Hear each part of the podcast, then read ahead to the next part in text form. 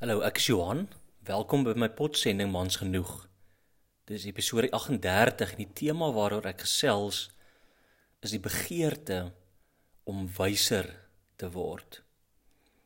Ek het die voorreg om as 'n leierskap en spanafrigter met baie individue en spanne te werk en ek doen dit in multinasjonale besighede, familiebesighede, onderwys, die winsgewend kerke, um, baie entrepreneurs En ek het agtergekom dat daar so drie groeperinge van mense is wat ek in al hierdie kontekste raakloop.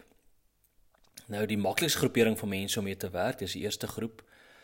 Het ek uh, verlede week het ek vir met 'n bestuurspan gewerk, het 'n dag sessie met hulle gehad. En soos baie organisasies is intergenerasie kommunikasie 'n probleem. En op dag 1 het ons weer terugvoer gegee, hoe gaan dit in die maatskappy en die jonger leier het nogal erge terugvoer ontvang en ek wil amper sê negatiewe terugvoer oor sy gebrek aan intergenerasie kommunikasie. En dag 2 kom hy terug en as hy so dankbaar vir die vorige dag se gesprek want hy hierdie aand moes hy weer 'n saak met die ouer um leier bespreek en hy was altyd bang geweest om dit te doen.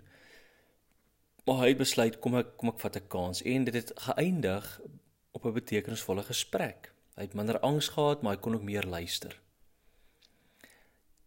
Dan die tweede groepering van mense is die gevaarlikste om mee saam te werk. Ek het 'n ruk gelede in 'n familieonderneming gewerk en daar was 'n die amper amper sê die matriarg van die weet van die familieonderneming het uit apart uit gegaan om familielede en nie familielede en bestuurders in die besigheid te benadeel. So sy het byvoorbeeld leuns versin en eintlik 'n gevaarlike skinderveldtog begin om hierdie mense te ondermyn. En toe ons vra vra maar hoekom het sy dit doen toe dit nou uitkom? Was haar woorde ek wou hulle leed aandoen omdat hulle slegte mense is.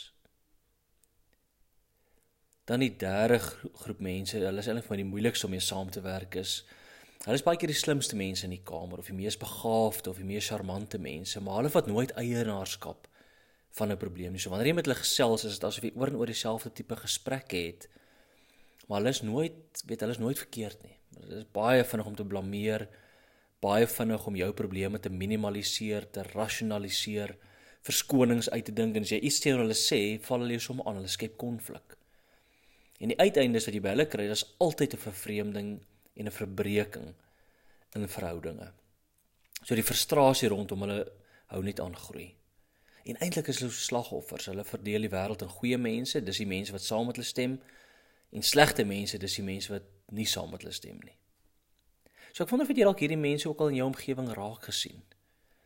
Hang nou of weet wat 'n eh, weet wat 'n industrie jy werk, ek dink soms al verskillende woorde vir vir hulle gebruik. Maar ons kry hierdie mense oral. En die Bybel help ons nogal hier met die wyses literatuur wat praat van wyse mense, is die eerste groepering en dit is daardie jong leier waarvan ek gepraat het wat geluister het na terugvoer. Nou wyse mense, so wanneer die waarheid hom voordoen, sien die wyse persoon die lig, hulle neem dit in en hulle maak aanpassings. Dan die tweede groepering van mense is bose mense. En dit is daardie familie vir 'n uh, onderneming waarvan ek gepraat het. En so by bose mense, hulle is nie redelik nie. Hulle poog om te vernietig. En dit is net hulle waarheid wat saak maak. En dan die derde groepering van mense wat ek gesê het is die moeilikste groepering om mee saam te werk is dwaase mense. Die dwaas probeer die waarheid aanpas sodat hy of sy nie daarby hoef aan te pas nie. Nou moet ek onmiddellik sê iemand het gesê if you spot it you got it. So ons almal het al drie in ons, maar ek dink ons het 'n dominante styl um, in ons. En as jy praat oor die dwaase persoon, praat Jesus in Matteus 7 vers 24 tot 29 oor oor dwaase mense. Ek het julle nou baie dinge oor God geleer. As julle my woorde ter harte neem en dit doen, tree julle regop. Dan is julle lewens op 'n stewige fondament gebou. En wanneer die reëns en storms oor julle losbreek, sal julle lewenshuis nooit mekaar stort nie. Want julle lewens is gebou op die rots wat nooit kan pad gee nie. Aan die ander kant, as julle my woorde hoor en dit nie doen nie, is julle regtig dom. Dan is julle lewens op 'n hoop sand gebou. Wanneer die reëns en die storms oor julle losbreek, sal julle uit lewens uiteindelik in mekaar stort. Dan is die doderyk julle voorland. En toe Jesus klaar was met sy lering op die berg, was die skare stom van verbasing. Hulle was vol lof oor sy aangrypende woorde. Jesus se woorde het heeltemal anders geklink as die van hulle leermeesters.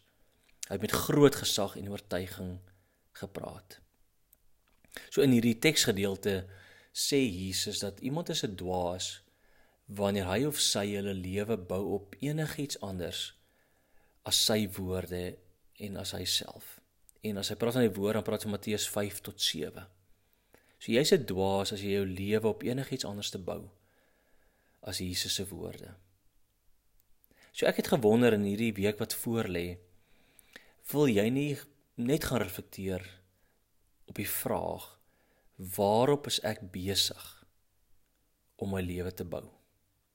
Waarop is ek besig om my lewe te bou?